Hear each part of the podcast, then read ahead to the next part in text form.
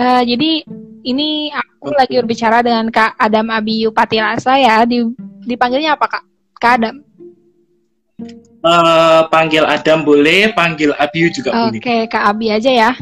Uh, Kak Abi ini okay. mahasiswa jurusan eh semester berapa Kak? Sorry. Semester 5. Semester 5 di jurusan ini ya. Nah, kalau nggak salah ini tuh uh, D4 ya Kak ya? Ya, D4. Oke, di fakultas apa, Kak? Uh, di Fakultas Vokasi. Fakultas Vokasi Universitas Erlangga. Oke, sekarang lagi sibuk apa nih, Kak Berti? Kalau sibuk masih kebetulan kuliah udah libur hmm, ya. Hmm. Kuliah udah libur, terus kebetulan masih magang, hmm. terus juga kebetulan kerja juga di salah satu perusahaan startup hmm. di Surabaya. Baik, keren. Oke, okay kalau kuliahnya nih online ya kayak ya? pasti? Online terus apalagi prakteknya. Okay. juga online juga jadi semakin menantang, terhambat semuanya. Semakin menantang dan terhambat gitu? Menantang okay. sekali. Pasti beda banget ya sama di kampus. Beda sekali beda beda banget. Oke okay, nih. Uh, sekarang aku mau nanya nih kak tentang garis besar jurusannya ini seperti apa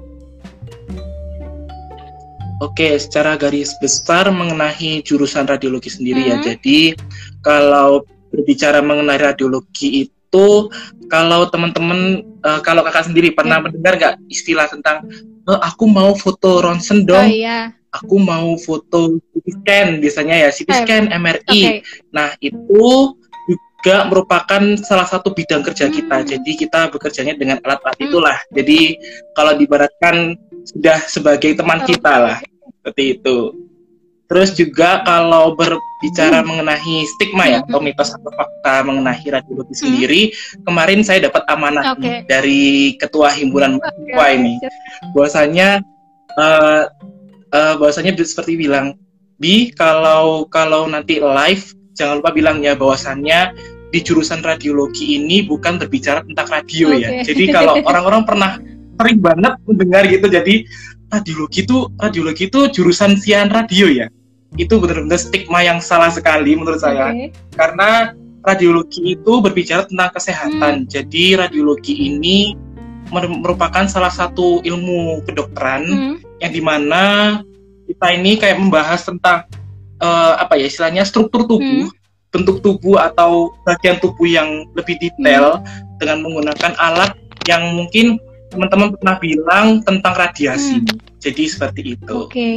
Terus kalau berarti bukan bukan banget ya, bukan banget dan ngebahas tentang radio dan sebagainya gitu ya. Tapi ke kesehatan. Ya? Bukan sekali. Oke. Okay. Iya, betul. Betul banget. Nah. Soalnya banyak hmm. banget banyak banget kemarin yang tanya-tanya hmm. itu seputar Kak, ini radiologi ini jurusannya siaran radio ya? apa jurusan yang bedah-bedah tentang radio itu salah, salah banget, banget ya. menurut saya salah banget ini. Oke, okay. berarti kalau karena kesehatan gitu ya, berarti bidang yang dipelajarinya tuh ilmu apa aja sih kak? Banyaknya gitu? Kalau ilmunya banyak hmm. sih. Kalau kita di radiologi itu belajarnya macam-macam. Hmm. Jadi kita juga uh, sedikit lah mencicipi, hmm. istilahnya mencicipi lah, mencicipi jurusannya punyanya anak dokter okay. lah. Jadi kita juga belajar tentang uh, ilmunya dokter, hmm. kita juga belajar tentang ilmu spesialis kita. Jadi di bidang radiologi hmm. pun juga kita belajar kayak gitu. Oke. Okay.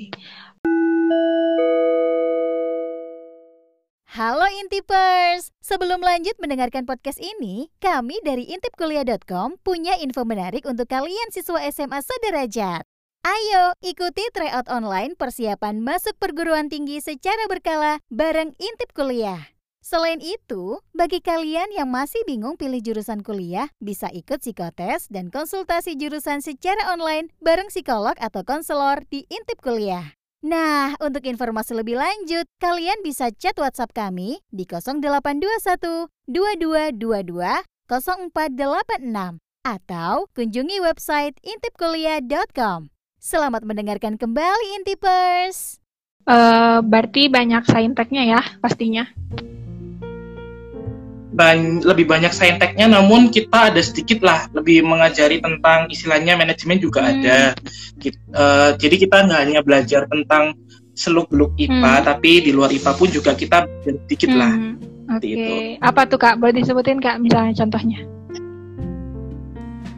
kalau mata kuliah nih ya mata kuliah mata kuliah yang di kalau berjurusan dengan IPS itu apa ya kalau kalau berjurusan dengan IPS itu kayak bahasa ya. hmm. ya. Jadi kita juga belajar tentang bahasa, bahasa Inggris juga hmm. ada, kita belajar tentang bahasa Indonesia pun juga ada.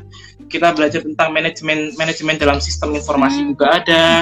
Dan kalau bicara tentang uh, berapa persentase lebih banyak presentasenya ke IPA sih karena kita jurusannya kan jurusan IPA apalagi jurusannya kesehatan jadi kita kebanyakan belajar di situ. Oke, okay. berarti selain mata kuliah yang sudah disebutkan tadi ya, mata kuliah yang khas nih di jurusan ini apa hmm. aja kak? Oke, okay, kalau mata kuliah yang khas ya, jadi ini menurutku yeah. sendiri aja ya. Jadi menurutku itu di radiologi ada beberapa mata kuliah. Hmm. Jadi yang pertama adalah uh, mata kuliah radiografi. Hmm. Radiografi ini mem- istilahnya berisi tentang teknik pemeriksaan. Jadi kayak contohnya ya, contohnya kayak mau foto dada hmm. nih. Foto dada itu gimana sih cara melakukan pemeriksaannya? Hmm. Terus nanti uh, kita kita di situ nanti tekniknya seperti apa? Terus juga SOP, misalnya okay. kayak SOP untuk pemeriksaan itu seperti okay. apa. Jadi macam-macam. Jadi terus juga di mata kuliah ada juga mata kuliah alat hmm. nih. Jadi kan kita di radiologi kan ada banyak banget alatnya yeah. ya, mulai dari uh, alat ronsen, ada dari CT scan juga yeah. ada, dari uh, eh, MRI juga ada, dari USG juga ada. Kita belajar. Jadi setiap uh, semester itu kita ada. Jadi semester 1 sampai semester 3 itu kita belajar tentang satu alat, semester 3 sampai semester semester 4 sampai 6 kita belajar alat, yang baru istilahnya semester 6 ke 7 kita juga belajar alat yang baru. Jadi kita ada pelajaran alat dan belajar tentang teknik. Kalau untuk uh, yang lain ada sih yang istilahnya khusus hmm. ini ya. Bukan khusus juga sih kayak beruntun okay. istilahnya mata kuliah beruntun okay. ini. Jadi ada mata kuliah fisika. Hmm. Fisika ini bener uh, kalau menurut saya yang paling menantang okay. nih kalau menurut saya ya karena jujur saya sendiri nggak suka fisika okay. tapi saya harus dihadapi oleh fisika jadi di semester 3 di tiga semester ini kita dapat mata kuliah fisika. Hmm. Jadi yang pertama kita belajar tentang fisika khusus untuk basicnya, hmm. jadi kayak fisika di SMA. Hmm. Terus di semester 2 kita ada mata kuliah uh, fisika imaging. Jadi fisika imaging ini mata kuliah yang menjurus gimana sih cara kita bisa mendapatkan hasil fotonya hmm. tuh gimana caranya. Prosesnya seperti hmm. apa. Seperti itu. Kalau di semester 3 kita belajar tentang fisika radiasi. Hmm. Jadi fisika radiasi ini mempelajari tentang bagaimana sih cara kita eh uh, istilahnya kayak menghitung banyaknya radiasi yang didapatkan oleh pasien, hmm. terus cara kita melindungi pasien juga hmm. seperti itu. Oke, jadi tadi ada tentang alat, terus nggak jauh-jauh juga dari fisika yang ternyata ada di tiga semester ya. ya. Iya tiga semester itu paling paling paling beruntun okay. itu fisika sendiri. Tapi kalau untuk radiografi setiap semester pasti ada sih, namun istilahnya kompetensinya yang beda. Okay. Nah yang paling berkesan nih kak apa fisika? yang paling bagus kalau paling berkesan dari aku hmm. sendiri ya mata kuliah yang paling berkesan adalah radiografi dan anatomi. Kenapa tuh? Kalau saya menurut saya hmm. sendiri ya karena kalau radiografi itu di mana kita kan misalnya harus basic ya, hmm. ya basic belajar tentang benar-benar belajar tentang teknik pemeriksaannya seperti apa dan itu sebagai penunjang kita untuk uh, jenjang karir ke hmm. depannya. Terus juga di satu sisi pun kalau untuk mata kuliah anatomi, jujur saya paling suka banget hmm. dengan mata kuliah anatomi karena uh, di situ kan kita nggak hanya belajar tentang teori ya, jadi kita belajar tentang uh, uh, istilahnya belajar tentang uh, bahannya langsung. Jadi kita ya kalau orang-orang dokter bilang kadaver lah. Okay. Kadaver tuh ya seperti istilahnya seperti itulah. Akhirnya kita belajar langsung dengan uh, bahan yang tersedia dan kita mempelajari langsung tentang anatominya seperti itu. Oke, okay. pasti menarik banget ya. Kalau uh, tadi kan ke jurusan ini nggak jauh-jauh juga dari yang namanya praktikum ya? Ya. Nah, praktikumnya tuh apa aja? Kalau praktikumnya itu kita tergantung ya, tergantung dari mata kuliahnya. Kalau radiografi kita ada setiap uh, setiap praktikum kita praktikum di rumah sakit kebetulan. Jadi uh, di rumah sakit uh, khususnya di rumah sakit UNER itu ada salah satu tempat khusus untuk pelatihan istilahnya sebagai tempat praktikum seorang uh, mahasiswa. Jadi kita ada uh, tempat praktikumnya langsung dengan alatnya jadi kita ada alatnya juga. Jadi kita bahas, bahas tentang teknik pemeriksaan dan lain-lain. Terus juga kita bekerja sama dengan fakultas lain. Jadi contohnya kita bekerja bekerja istilahnya memiliki dosen dari Fakultas Keperawatan. Kita belajar tentang keperawatan khusus untuk radiologi.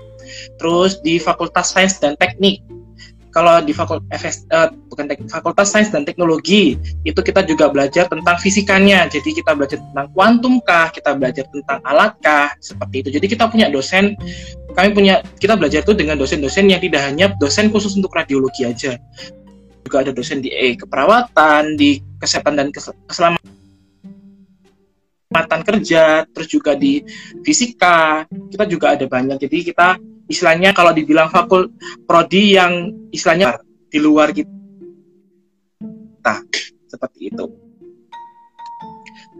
Kalau untuk praktek sendiri kita semester, udah semester 3 itu kita praktek jadi semester 3 kita sudah dikerjakan di rumah rumah sakit yang bekerja sama dengan kita. Jadi jadi kayak kemarin itu semester 3 sama semester 4 jadi saya sudah satu tahun hmm. uh, di rumah sakit Dr. Stomo Surabaya. Jadi kebetulan kan banyak sekali mahasiswa udah di sana. Jadi kita juga uh, di sana. Terkadang kalau untuk semester 5 dan semester 5 itu kita di tahun kemarin itu kalau tidak salah disebar di beberapa rumah sakit di Surabaya. Terus di semester 6 kita di istilahnya dibu bukan dibang ya dicabangkan keluar kota okay. jadi entah itu di di Tuban kah di Kediri kah di Malang kah jadi di sekitar Jawa Timur mm -hmm. terus di semester 7 itu yang paling tepat banget jadi semester 7 semester 7 itu uh, kita juga pernah uh, magang di luar negeri oh, gitu. jadi kita kebetulan kerjasama sama Vietnam jadi kalau misalnya semester 7 itu mulai-mulai gempar-gemparnya untuk mendaftarkan diri untuk hmm. praktek di luar negeri. Oke. Okay. Seperti itu. Berarti setiap semester tuh uh, ada praktek langsung di rumah sakitnya ya? Mulai semester 3. Mulai semester 3. Oke. Okay. Pasti hmm, mulai semester 3. Pasti banyak banget pengalaman baru, hal-hal baru ya yang didapat selama praktek itu banyak, banyak sekali dan sampai sekarang pun juga kalau bilang kangen kangen lah sama instruktur lah sama kehidupan di sana. Apalagi kan kayak istilahnya kayak kebiasaan ya. Jadi kalau dibilang kebiasaan tidur malam itu sudah kebiasaan itu dari kita. Sampai shift harus jaga malam okay. kah harus jaga pagi kah. Okay. jadi terbiasa. Nah kalau magangnya itu sistemnya kan masih ada kuliah juga ya? Atau gimana selama ada kebetulan kalau untuk semester 3 dan 3 dan 4 itu kalau tidak salah ada. Hmm. Ada jadi kita resikonya adalah di saat kita uh, dapat jaga malam hmm. dan besoknya adalah kita ada hmm. kuliah, hmm. jadi itu resiko. Okay. jadi misalnya jaganya kita jaga malam jam 9 malam sampai jam 5 hmm. pagi dan jam 7 paginya itu harus kuliah. Okay. Jadi kita tidur cuma satu jam dua jam, mandi, selesai berangkat. Okay. Udah gitu aja gitu ya struggle ya kalau di semester ya kalau di semester 5, 6, 7 hmm. itu kita kuliahnya setelah praktek selesai jadi kalau di semester 5 itu kalau tidak salah ya di semester 5 itu kita belajar dulu satu bulan hmm. belajar dulu satu bulan setelah satu bulan berikutnya kita baru dilakukan uh, praktek hmm. Kalau di semester 6 tahun kemarin itu semester 6 itu praktek dulu baru kuliahnya di akhir jadi seperti itu. Jadi ada sistem. Kalau di semester tujuh sendiri ya. Oke. Okay. Ada sistemnya sendiri-sendiri. Oke, okay, nah kalau konsentrasi nih kak, ada nggak kak di jurusan ini? Kalau konsentrasi itu kita ndak ada ya, hmm. karena di radiologi sendiri pun juga istilahnya punya istilahnya sebagai keahlian hmm. ya. Jadi kalau dibilang uh, dokter, dok, jadi kalau radiologi radiologi di diploma dan radiologi di S2 itu beda. Hmm Bedanya adalah kalau di radiologi diploma 4 itu istilahnya sebagai pekerja. Hmm. pekerja dan juga sebagai teknisi. Hmm. Kalau di radiologi khusus untuk S2 itu sebagai analisator. Hmm. Jadi sebagai istilahnya sebagai uh, yang yang melihat dan mengamati untuk struktur penyakit itu ya, ya dokter radiologinya. Hmm. Kalau kita adalah sebagai pekerja hmm. seperti itu dan di radiologi pun sendiri pun istilahnya sebagai percabangan dari ilmu kedokteran. Hmm. Jadi kalau dibilang kalau dibilang jurus uh, keahlian kita nggak punya keahlian, tetapi kita punya bidang okay. sendiri. Jadi kalau di radiologi sendiri itu ada tiga, hmm. ada tiga bidang. Yang pertama ada radiologi khusus untuk mendiagnosa penyakit. Hmm jadi uh, kalau dibilang radio diagnostik, hmm. jadi membahas tentang diagnosa. Hmm. Terus ada radiologi khusus untuk terapi. Hmm. Jadi misalnya kalau uh, orang kemoterapi ya, yep. kalau orang bilang-bilang kemoterapi, itu itulah itu merupakan salah satu uh, bidang ilmu juga hmm. yang di mana kita juga istilahnya mengicipi lah, memasuki ke bidang-bidang uh, ilmu juga. Terus yang ketiga ada radiologi intervensi. Hmm. Radiologi intervensi ini istilahnya sebagai pronya dari radiologi diagnostik. Jadi istilahnya sebagai penggabungan juga antara radiologi khusus untuk diagnosa hmm. dan juga radiologi khusus untuk uh, terapinya sendiri. Jadi itu pun juga kita bisa lakukan terapinya juga seperti itu. Oke, itu semuanya dipelajari ya atau gimana? Semuanya kita pelajari dari semester 1, semester 2 sampai semester akhir. Oke. Oke. Nah, kalau misalnya jalur masuk nih Kak, ada apa aja Kak? Kalau di universitas sendiri pasti ada tiga. Hmm? Ada jalur SNMPTN, jalur undangan, terus ada jalur SBMPTN biasanya yang uh, biasanya yang sering dilakukan pemerintah dan yang terakhir ada jalur hmm. mandiri. Jadi cuma ada tiga sih kalau di Universitas Erlangga. Oke, okay. uh, eh, infonya bisa diakses di mana nih kak? Kalau infonya itu ada di uh, eh, PPMB UNER hmm. dan kebetulan kalau di uh, radiologi sendiri itu ada jalur masuknya sendiri. Hmm. Jadi kalau di radiologi UNER itu kita ada jalur kalau di radiologi UNER hanya ada jalur mandiri. Oh, okay. Jadi jalur mandiri ini ada hmm. dua, yaitu mandiri khusus untuk sarjana hmm. dan mandiri khusus untuk diploma. Hmm. Jadi jadi kalau misalnya teman-teman mau mau join ke radiologi itu hanya ada di Mandiri khusus untuk vokasi, Mandiri untuk, untuk khusus untuk diploma. Hmm. Jadi seperti itu. Oke, itu dalam satu angkatan biasanya penerimaannya berapa orang nih, Kak? Kalau satu angkatan, kalau tahunku itu, kalau tahunku sampai tahun sekarang itu kalau tidak salah 50. Hmm. Lumayan ini ya, lumayan terbatas gitu ya. Jadi keketatannya juga pasti lumayan ya. ya ya lumayan terbatas. Tapi kalau dibilang terbatas pun juga kita nggak bilang terbatas ya karena di jurusan lain pun juga rata-rata gitu. ada yang sedikit banget, ada yang banyak banget. Jadi kalau di radiologi kan uh, kita nggak ada diploma tiganya mm -hmm. ya. Jadi kebetulan kita dulu itu diploma tiga, akhirnya 2014 ini kita naik ke diploma mm -hmm. 4. Jadi diploma 4 kita kalau untuk penerimaannya 50, kalau di di jurusan lain itu ada sih yang lebih kecil banget dari 50 tuh ada. Oke. Okay. Jadi lulusannya ini limited ya ya? limited sekali. Oke, okay. okay, selama kuliah 4 semester ya kurang lebih, boleh ngasih tips nggak kak ke maba? Gimana sih, apa sih yang harus dipersiapin, apa yang harus dilakuin biar mereka bisa survive di jurusan ini nantinya? Oke, yang pertama adalah uh, pasti belajar. Hmm. Belajar untuk ya kalau menurutku sendiri lebih baik dan lebih prefer kita ya sejurusan aja deh. Apalagi kan kalau IPA kita kan istilahnya sudah punya basicnya hmm. IPA. Jadi entah itu biologi kah, entah itu fisika kah, entah itu kimia kah. Hmm. Jadi istilahnya relate. Hmm.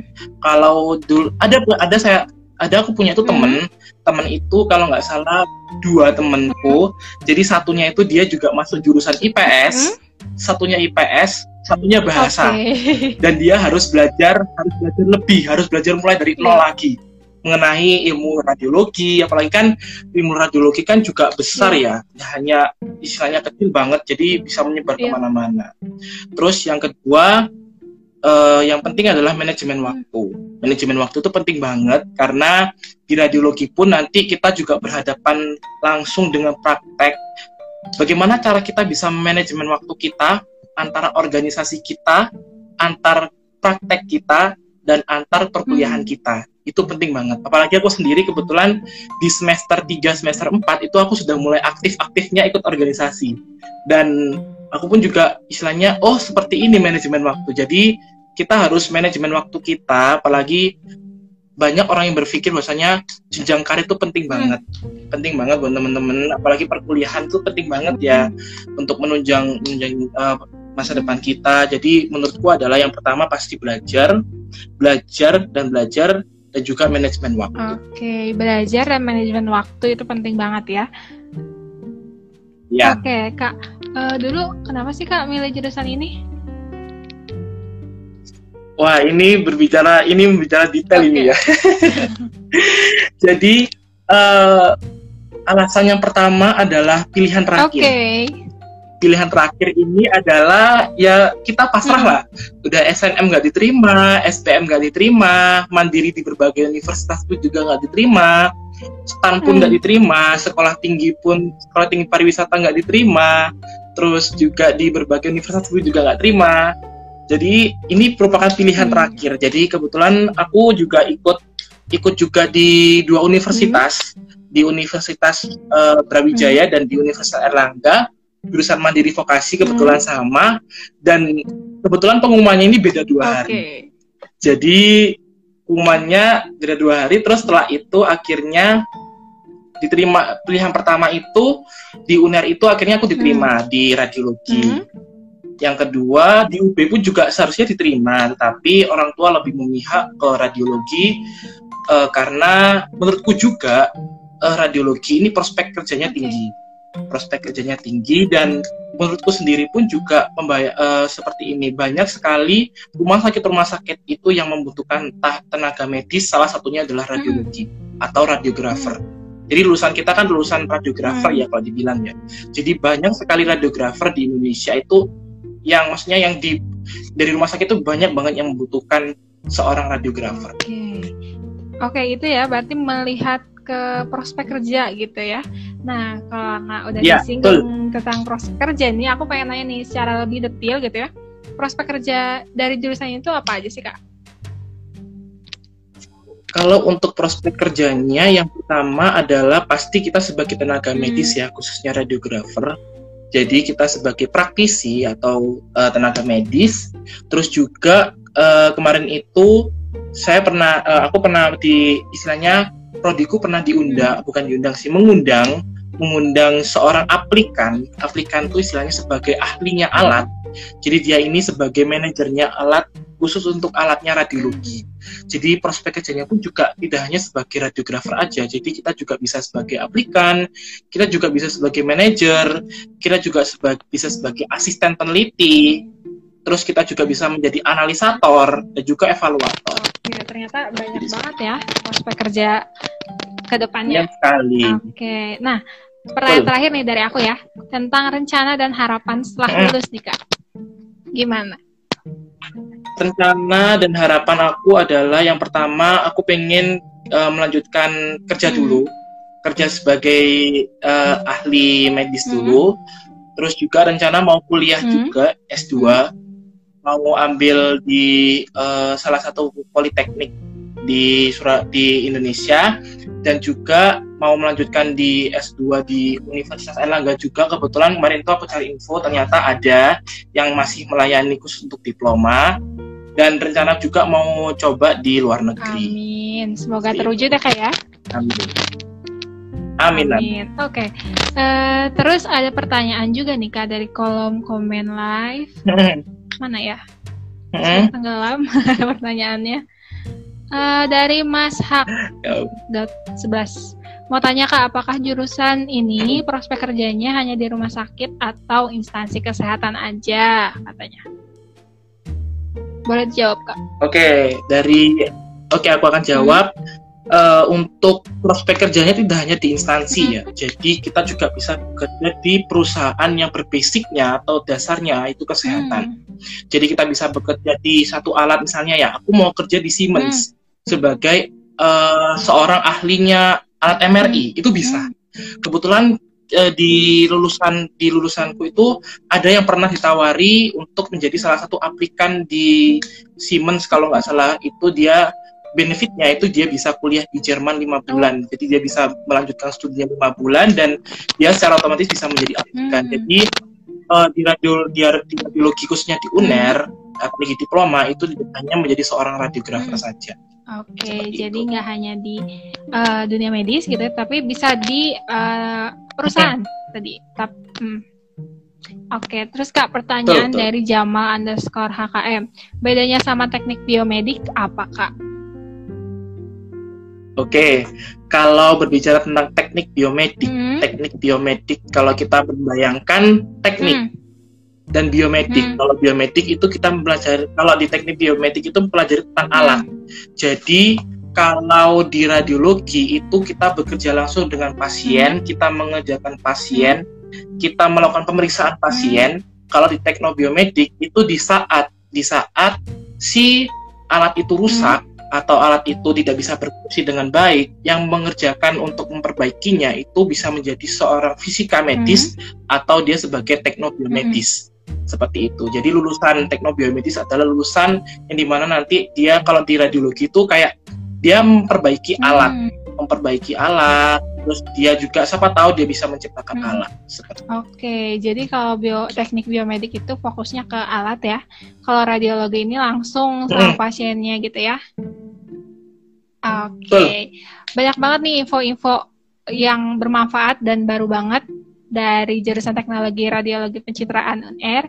Terima kasih Kak Abi udah banyak banget ngasih pengalaman, terus ilmu-ilmu gitu ya, dan info-info nih yang pastinya bermanfaat banget buat para camaba yang masih bingung mau mau masuk jurusan apa.